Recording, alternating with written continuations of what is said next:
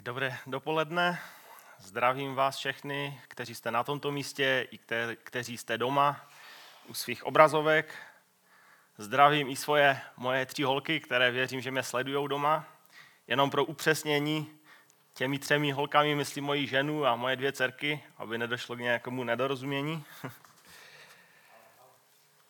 A eh, jak už Jirka říkal, dneska máme palmovou neděli, kdy si připomínáme to, jak Ježíš vstoupil do Jeruzaléma a tehdy to bylo s ovacemi a, a s provolováním, že, že Ježíš je král a, a, a prostě oslavovali Ježíše, ale víme, jak to, jak to bylo za, za o týden později zhruba. A budeme o tom mluvit možná příště. A dneska bych se chtěl zabývat tím, jak můžeme neminout Boha, protože dalo by se říct, že ti lidé, kteří tehdy provolávali slávu Bohu, eh, eh, možná to byli ti stejní, kteří potom volali ukřižuj ho.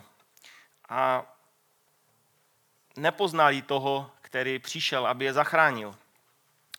A právě na to téma bych chtěl dneska hovořit. Poslední dobou jsem četl Janovo evangelium a právě mě zaujalo, že mnozí čekali Bohem poslaného Mesiáše, zachránce, ale když opravdu přišel, tak ho většina nepoznala a dokonce začali proti němu bojovat.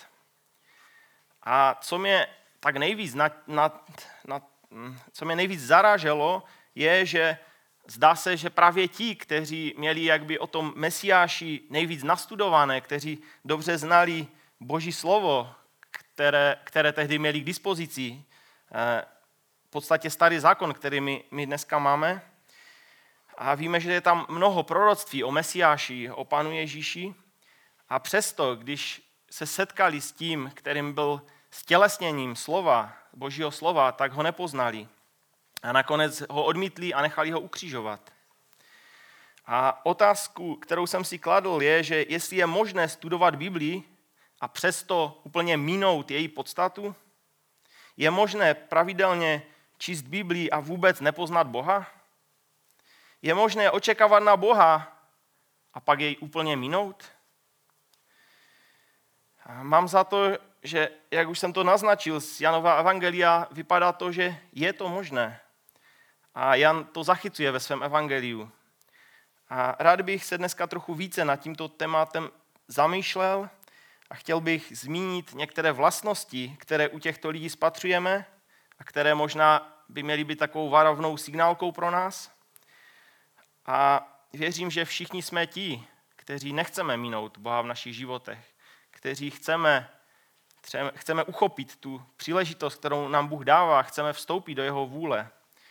A právě na to bych se chtěl dneska více podívat a budeme se hlavně pohybovat v 5. a 6. kapitole Jana, protože Zajisté tam je mnohem víc toho, ale chtěl bych se právě na tyto dvě kapitoly zaměřit. Ale ještě předtím bych chtěl přečíst Jan 1, 9 až 13. A tam se píše toto. Bylo tu pravé světlo, které osvěcuje každého člověka. To přicházelo na svět. Na světě byl, svět skrze něj vznikl a svět ho nepoznal. Přišel do svého vlastního a jeho vlastního nepřijali. Těm však, kteří ho přijali, dal pravomoc stát se božími dětmi. Těm, kteří věří v jeho jméno. Ti se nenarodili z krve, ani z vůle těla, ani z vůle muže, nejbrž z Boha. A když to člověk čte, tak někdy skoro propadá takové beznaději, že tam je napsáno, že přišel do svého vlastního, ale jeho vlastního nepřijali. Ale pak je tam ale. Ale těm, kteří ho přijali. Takže byla a je nějaká skupina lidí, kteří, kteří ho přijali, o kterých to neplatí, že jej nepoznali. A věřím, že každý z nás chce být v této skupině a chce být ten, který rozpoznal Boha a chopil se ho, nasledoval ho. A věřím, že chceme více poznávat Boha, chceme se připojit k němu v jeho práci, v jeho díle, které koná. A nechceme, aby platilo o nás ta skutečnost, že bychom ho nepoznali, že bychom minuli to setkání s ním.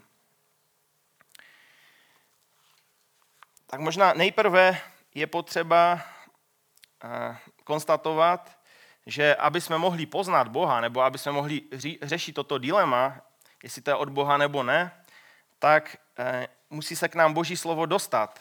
A řekl bych, že lidé v té době, ať už ti, kteří nasledovali Ježíše, nebo eh, farizeové, židé, měli zhruba tyto informace. Měli Tanach, to znamená Toru, proroky, spisy, v podstatě první část naší Bible, Starý zákon, a tam, jak už jsem říkal, je mnoho proroctví o Mesiáši. A vlastně Ježíš, nebo Mesiáš je, by se dal říct, centrem toho všeho, co, co je ve starém zákoně zachyceno.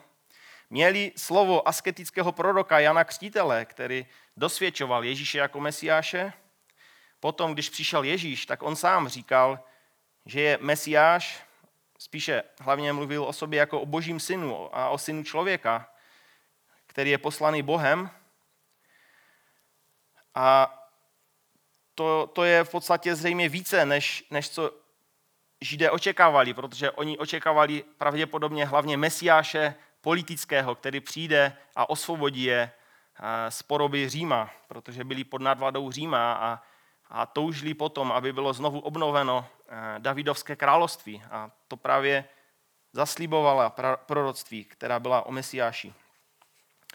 A taky viděli zázraky lidé, které Ježíš konal a uzdravoval nemocné, chromé, slepé, hluché, křísil mrtvé, vyháněl démony, poroučel živlům a on, oni ho poslouchali, rozmnožil chleba a další znamení konal, proměnil například vodu ve víno. A něco, co mě znepokojuje, je, je právě, že se zdá, jak jsem řekl, že ti nejvíce náboženští lidé, kteří by jako první ho měli vítat a kteří nejvíce znali starý zákon nebo Biblii a snažili se plnit všechny příkazy Tóry. To nebylo jenom, že by to četli, ale oni se snažili to i do svého života praktikovat, tak měli s Ježíšem největší problém.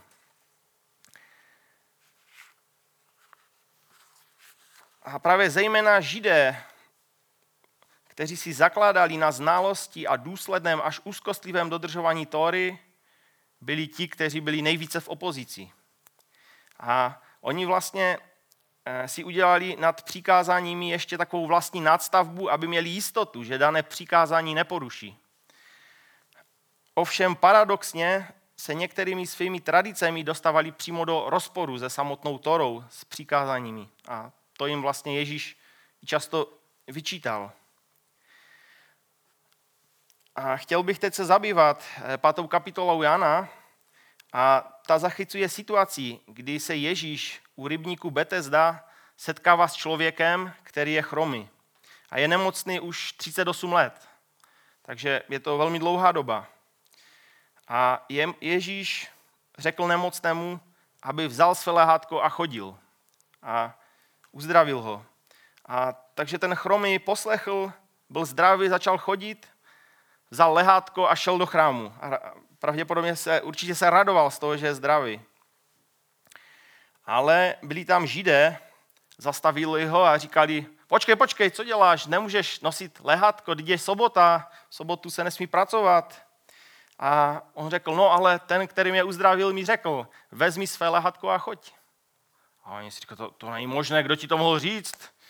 No a jenže ten chromy nevěděl, protože Ježíš se mu ztratil v davu.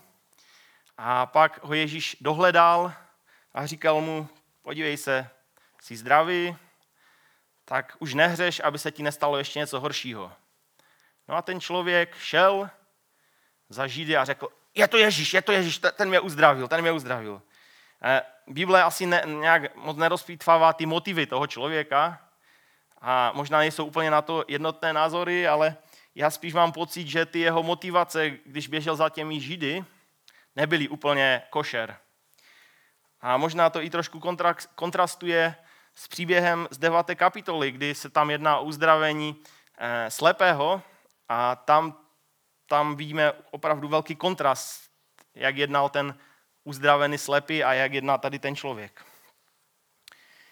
Takže přečtu to přímo, ten úsek, když přišel za Židy, je to Jan 5. kapitola 15 až 18 a tam je napsáno. Ten člověk odešel a oznámil Židům, že tím, kdo ho uzdravil, je Ježíš.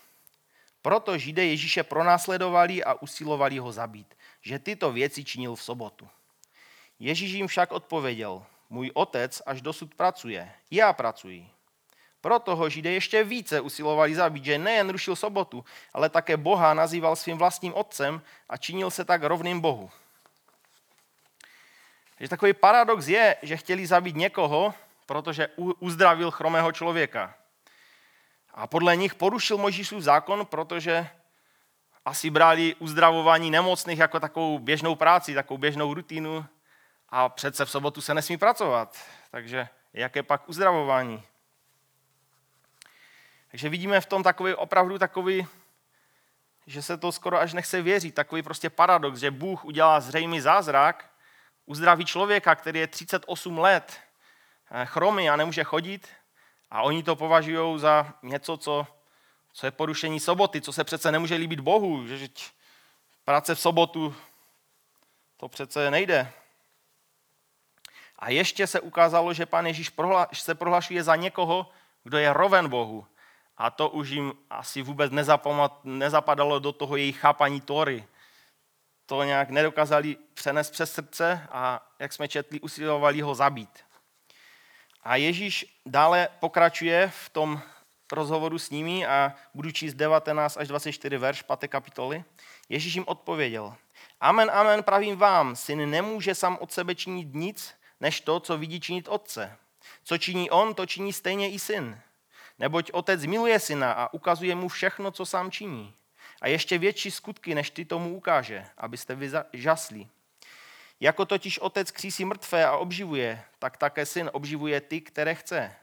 Vždyť otec ani nikoho nesoudí, ale všechen soud svěřil synu. Aby všichni ctili, ctili, aby všichni ctili syna, jako ctí otce. Kdo nectí syna, nectí otce, který ho poslal. Amen, amen, pravím vám, že kdo slyšíme slovo a věří tomu, kdo mě poslal, má věčný život a nejde na soud, ale přešel ze smrti do života. Takže vidíme, že ten problém je, že kdo odmítá Pana Ježíše, odmítá i samotného Boha. A zákonitě mí Boha ve svém životě, mí Boží vůli. Protože Ježíš je vyjádřením Boha tělesně. A pan Ježíš říká, že kdo vidí ho, vidí Otce.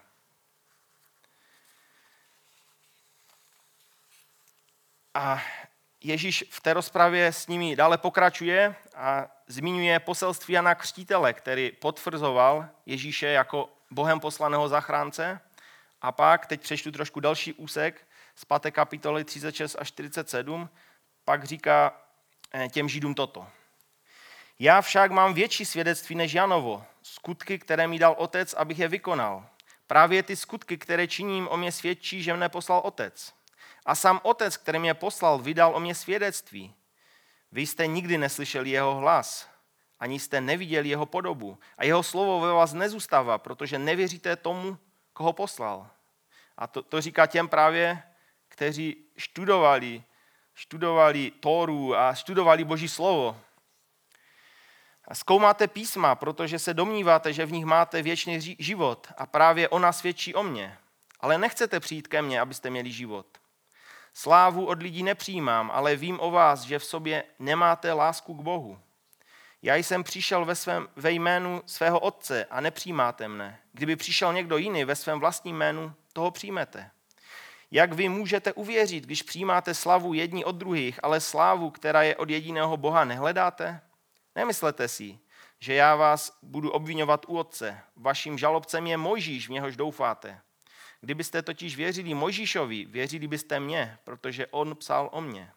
Nevěříte-li jeho zápisům, jak uvěříte mým výrokům? Takže vidíme, že tady asi Ježíš podhaluje to, co bylo jejich problémem. Že totiž se nadchli pro tu samotnou Tóru a pro ty příkazy, že se dalo říct možná, že se jim to jak by stalo Bohem. Jak jsem jim zmínil, možná měli pocit, že právě na to přišli, že vymysleli skvělý systém, jak to dělat, aby naplnili všechny přikázání, všechny požadované náboženské úkony a tím přece musí získat věčný život, tím se přece musí zalíbit Bohu, nebo ne? A v konečném důsledku spolehali více na sebe a na svoji spravedlnost, na to, že oni to dělají dobře, že to mají dobře vymyšlené, uspořádané.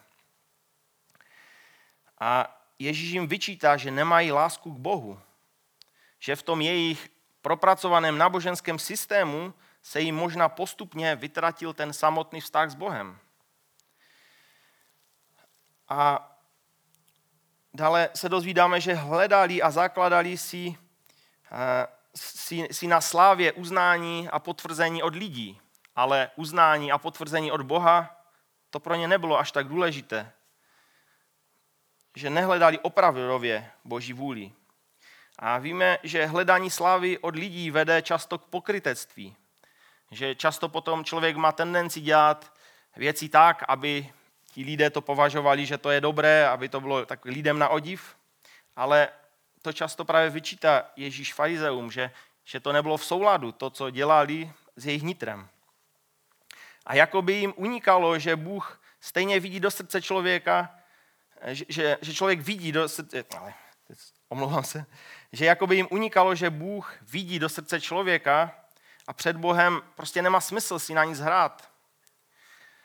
Naproti tomu, teď přeskočím eh, do první kapitoly Jana, eh, když se Ježíš setkává s Natanaelem, s člověkem, který se potom stal jeho učedníkem, tak on, on o něm prohlásil Ježíš. Hle, to je opravdu Izraelita, ve kterém není lstí. A vidíme, že Natanael byl upřímný, nepřetvařoval se, nechtěl nějak využít druhé nebo hrát nějaké divadlo před druhými. A to je něco, co Ježíš ocenil. A možná takové první poučení pro nás, že nesmíme zapomínat, kdo musí být v centru našeho života. Není to Bible, doufám, že mě teď dobře pochopíte, ani nějaké tradice, i když můžou být i dobré. Není to o tom, kolik toho děláme pro Boha, musí to být Bůh sám. A jak víme, Bůh zjevený v Ježíši Kristu je ten, o němž je v podstatě celá Bible. Že když, kdybychom vzali Ježíše, tak Bible postrádá smysl, protože on je centrem Bible. Bible je kvůli něho a o něm. On je samotným autorem Bible. A, a tím pádem on nejlépe ví, jak to myslel některé věci v Biblii. A on je ten, který nám to nejlépe, nejlépe může vyložit. A to si potřebujeme stále uvědomovat, že naše poznání je jen částečné a nutně potřebujeme pomoc Ježíše Krista, když čteme Bibli. Potřebujeme pomoc Ducha Svatého, když čteme písmo, aby on nám dal porozumět. A takže musíme k Bibli přistupovat s pokorou, aby se nám nestalo něco podobného jako farizeum, kdy v podstatě se přeli s tím, který byl autorem Bible, se přeli o to, jak to tam je myšlené nebo není. Ale Ježíš to věděl nejlépe, protože on je autorem. On inspiroval lidí, kteří to psali. A jak víme, zachrana žádného člověka nebude přes dodržování příkazů či konání nějakých skutků nebo nějaké náboženské praktiky, ani skrze studování písma samotného, ale bude jen díky Ježíši Kristu, našem zachránci, díky jeho milosti, díky jeho zachránného díla. A možná o tom budeme více se zamýšlet eh, příštím týdnu, o jeho zachranném díle, věřím. A ještě bych chtěl zmínit, že stav, ve kterém jsou náboženští lidé, je velmi nebezpečný, protože může přerůst zatvrzelost. Jan 12, 37 až 40, tam se píše takové konstatování, protože Jan obsahuje hodně takových promluv mezi Židy a Ježíšem a takové to dohadování, že Židé se pořád ptali, tak jestli Mesiáš, nejsi a Ježíš se jim snažil ukazovat, že je Mesiáš a oni to pořád nechtěli přijmout. A pak je tam takové konstatování, 12. kapitola 37 až 40. Ačkoliv před nimi učinil taková znamení, nevěřili v něho. A tak se naplnilo slovo, které řekl prorok Izajáš. Pane, kdo uvěřil naší zvěstí a komu byla zjevena pánova paže? Proto nemohli věřit, že Izajáš také řekl oslepil jejich oči a zatvrdil jejich srdce, aby očima neuviděli a srdcem neporozuměli, neobrátili se a já je neuzdravil. Zdá se, alespoň tak tomu rozumím, možná o tom můžeme víc mluvit na diskuzi v kavárně, že pokud člověk dlouhodobě se zatvrzuje proti Bohu, protiví se proti Bohu, tak může se stát, že překročí určitou hranici a pak ho zatvrdí Bůh sám. Pak mu jakby pak ho podpoří v té zatvrzelosti. Něco podobného například můžeme vidět u egyptského faraona, kde je tam napsáno, že několikrát se faraon zatvrdil proti božímu slovu a pak už bylo, že Bůh ho zatvrdil, že, že, potvr, že posílil tu jeho zatvrzelost. Takže musíme být velmi opatrní na, na tuto skutečnost. A teď bych se chtěl přesunout do 6. kapitoly Jana. A tam je vlastně napsáno, že Ježíš odešel na druhý břeh, břeh Galilejského jezera a šel za ním velký zástup. A je tam zmíněno, protože viděli znamení, která činil na nemocných. Takže vypadá to, že taková možná většinová motivace lidí, kteří za ním šli, byli, bylo právě to, že viděli uzdravení a zázraky, ne možná přímo to, že hledali Boha a že by, že by se chtěli stát Ježíšovými následovníky. A Ježíš se postaral o zástup a kromě duchovní stravy, kterou jim dával, jim dal taky fyzickou tělesnou stravu a nasytil zástup zhruba, tam bylo pět tisíc lidí, mužů, nasytil je s pěti chleby a dvěma rybami. Byl to, byl to prostě zázrak. A to zástup tak nadchlo, že se chtěli Ježíše zmocnit a provolat ho králem. To se jim prostě líbilo. Tak pojedli jsme, to je, to je dobré, pojď, buď naším králem. A víme, že Ježíš se musel zdálit, aby se tomu tom vyhnul. A když se pak Ježíš se svými učedníky přeplavil na druhou stranu, přesněji řečeno, přeplavili se učedníci a Ježíš to spíš prošel, přešel na druhou stranu jezera. A právě zastup zjistil, že Ježíš je pryč, tak se taky dopravili na druhou stranu, aby Ježíše vyhledali a ptali se, rabí, rabí, kdy se sem dostal? A teď možná ještě přečtu eh, Jan 2.23. Tam je taková zmínka. Když byl o velikonocích v Jeruzalémě na slavnosti, mnozí uvěřili v jeho jméno, protože viděli znamení, která činil. Ježíš se jim však sám nesvěřoval, protože všechny znal a nepotřeboval, aby mu někdo vydal svědectví o člověku. Sám totiž věděl, co je v člověku. A z toho vidíme, že Ježíš zná motivaci lidskou, zná, co je v srdci lidí. A právě když za ním přišli ti lidé a říkají, rabi, když se sem dostal, tak neodpověděl, no, přešel jsem přes jezero nebo něco takového, ale řekl něco úplně jiného. A řekl jim, že ho hledají ne proto, že by, eh, no, takhle, řekl, že ho hledají proto, že jedli ten chleba a nasytili se. A říká jim, přečtu Jan 6, 27, 29, říká jim, pracujte ne pro pokrm, který hyne, nebrž pro pokrm zůstávající k životu věčnému, který vám dá syn člověka, nebo jemu otec Bůh vtiskl svou pečeť. Řekli mu, co máme dělat, abychom konali boží skutky? Ježíš jim odpověděl, toto je ten boží skutek, abyste věřili v toho, kterého on poslal. A vidíme, že Ježíš se jakby s nimi nějak moc nebavil. On viděl tu jejich motivaci a hned jim řekl, pozor, pozor, udělejte si trošku pořádek ve svých motivacích, hledáte mě proto, že jste se dobře najedli. A jak by s nimi moc nechtěl tratit čas. A učedníci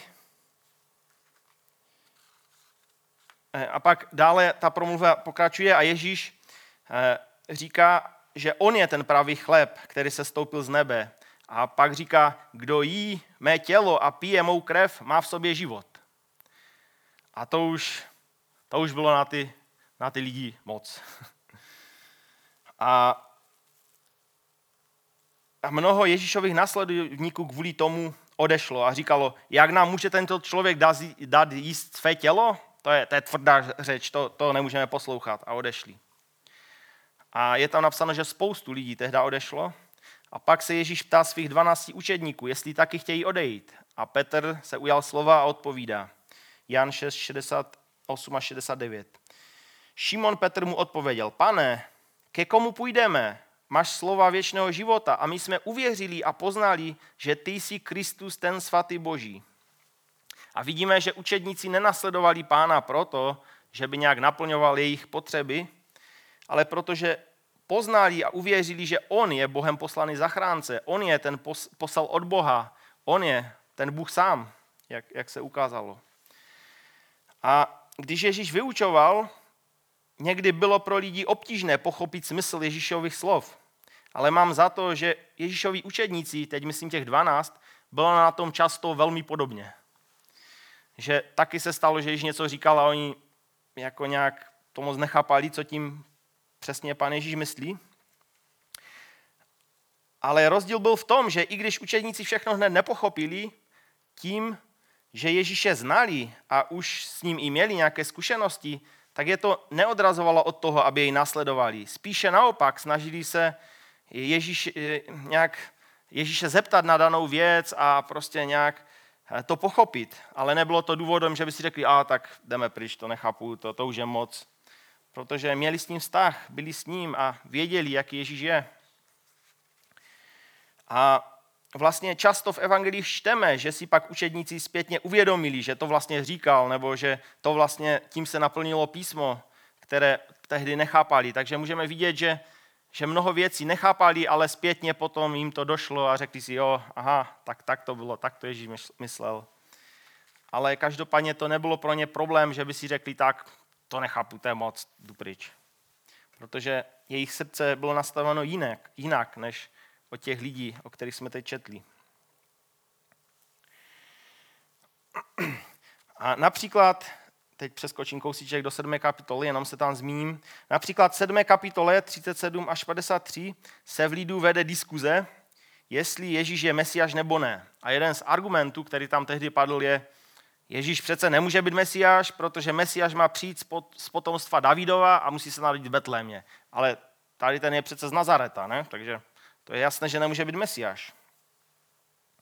A, a, a víme, že, že Ježíš se narodil v Betlemě, že byl v potomstva Davidova, ale, ale to už zřejmě ti lidé nějak nezjišťovali, už si udělali vlastní závěr a hm, tak to nemůže být mesiáš, ale víme, že učedníci věděli, jak to je. Že? A ani tam úplně nečteme, že by Ježíš říkal, počkejte, počkejte, hoši, já vám řeknu, jak to je, já jsem vlastně se narodil v Betlemě, to tam vůbec nečteme. Ježíš Ježíš prostě znal ty, tu jejich motivaci a prostě mu to nestalo za to, aby nějak s nimi tratil čas. A možná takové další ponaučení pro nás, že pokud Boha, Ježíše, vyhledáváme jen proto, aby nám naplnil naše potřeby, může se snadno stát, že Ježíš, Ježíš udělá něco, co se nám nebude líbit. Ježíš nás chce totiž posunout dále, chce pozvednout náš zrak, abychom dokázali vidět to, co je skutečně důležité. Nechce, aby jsme se zaměřovali na něco, co je pomíve, ale chce, aby jsme se zaměřili na, na něco, co má věčnou hodnotu. A možná ne všechno i v Biblii pochopíme hned, ale pokud budeme hledat pravdu, pokud budeme s Ježíšem, tak se nám věci budou vyjasňovat a zapadat do sebe. Budeme postupně poznávat pravdu. A podobně i učeníci během toho, co byli s Ježíšem, postupně poznávali, kým Ježíš skutečně je. A často s úžasem zjišťovali, že tak i vítr a moře ho poslouchají, tak i smrt musí poslechnout a jak by víc a víc poznávali Ježíše a tím to, kým skutečně je.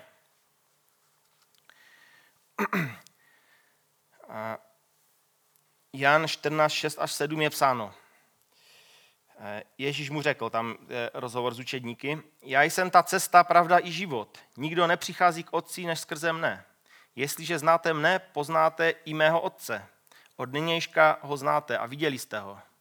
A další promluvy vyplývá, že ho viděli, protože viděli Ježíše. A učedníci, jak jsem řekl, na rozdíl od náboženských představitelů a od lidí, kteří vyhledávali Mesiáše vyhradně, aby naplnili, aby naplnil jejich potřeby, pochopili, že je to hlavně o Ježíši že cesta k Bohu vede skrze něj. A proto se rozhodli ho nasledovat, být s ním tak často, jak jen to bylo možné.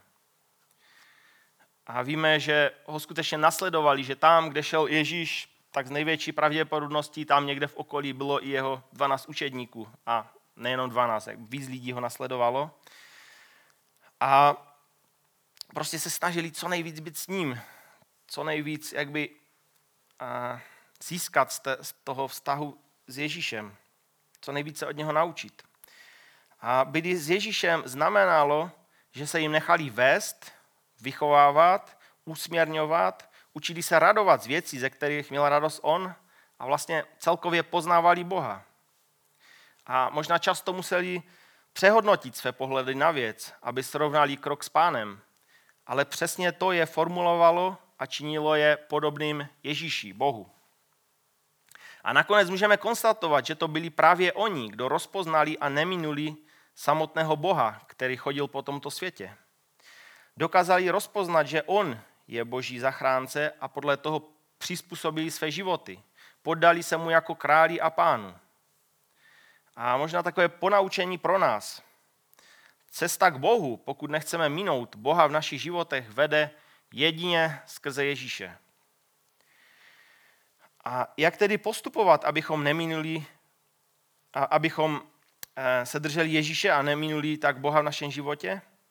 Jak jsem řekl, odpověď je Ježíš sám a musíme se zaměřit co nejvíce na Ježíše a ideálně pořád nebo co nejvíce s ním být. A víme, že Ježíš není, není fyzicky na zemi, ale nyní je Pán Ježíš přítomen skrze svatého ducha. A vlastně ty principy, o kterých jsme mluvili předtím, jsou, jsou stejné. Přečtu Jan 16, 12 a 14.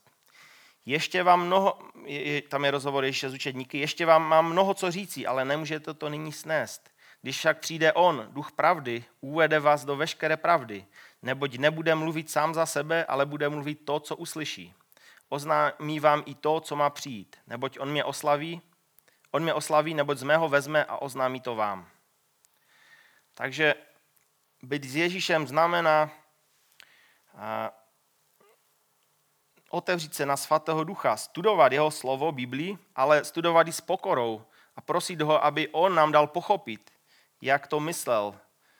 A možná někdy nepochopíme všechno hned, ale věřím, že pokud upřímně budeme nasledovat Ježíše a budeme ho vyhledávat, tak nám budou docházet ty věci postupně a postupně nám to bude do sebe zapadat. Postupně, podobně jako učedníci, budeme poznávat, kým Ježíš opravdu je. A víme, jak jsem říkal, že často učedníci byli překvapeni z toho, že si říkali, tak kým to vlastně je? Vždyť už jsme měli nějakou představu a on to zase posunul dále. Vždyť ho poslouchají i vítr a moře. A vždyť, vždyť i pro něho není problém smrt. Křísí mrtvé. A znovu a znovu museli jakby rozšířit tu nějakou představu nebo to, jak Ježíše poznali. A věřím, že to stejné, pokud budeme Ježíše nasledovat, že se bude dít i nám. Takže přemýšlejme nad jeho slovem, travme čas s ním na modlitbách, komunikujme s ním a očekávejme, že nás povede. A to, když jsme s Ježíšem, to zákonitě ovlivňuje náš život. Těžko s ním třeba můžeme zůstat, pokud chceme nějak zůstat ve zlobě, protože víme, že Ježíš říká odpouštěj a pokud nechceme odpustit, tak to nějak nemůžeme být s ním nebo nezůstáváme s ním.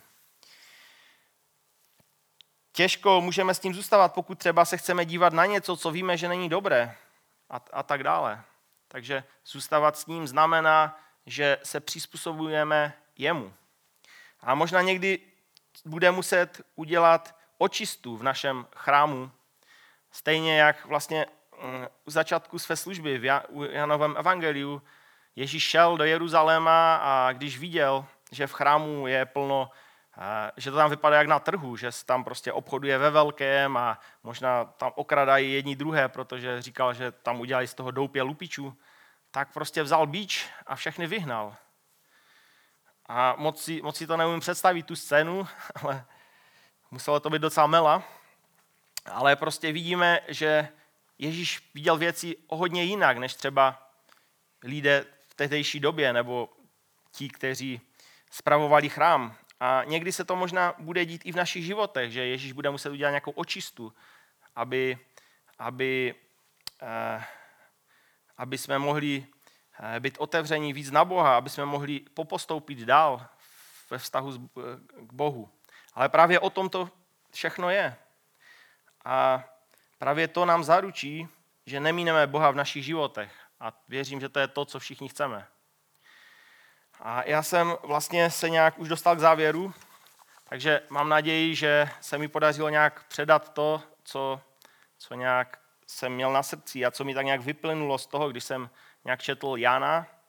Doufám, že jste mě dobře pochopili a ještě možná potom můžeme nějak víc diskutovat nebo se tím zabývat na, na Zoomu po, po tomto schromáždění.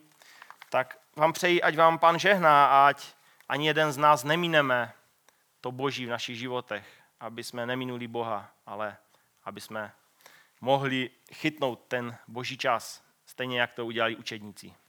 Pan vám.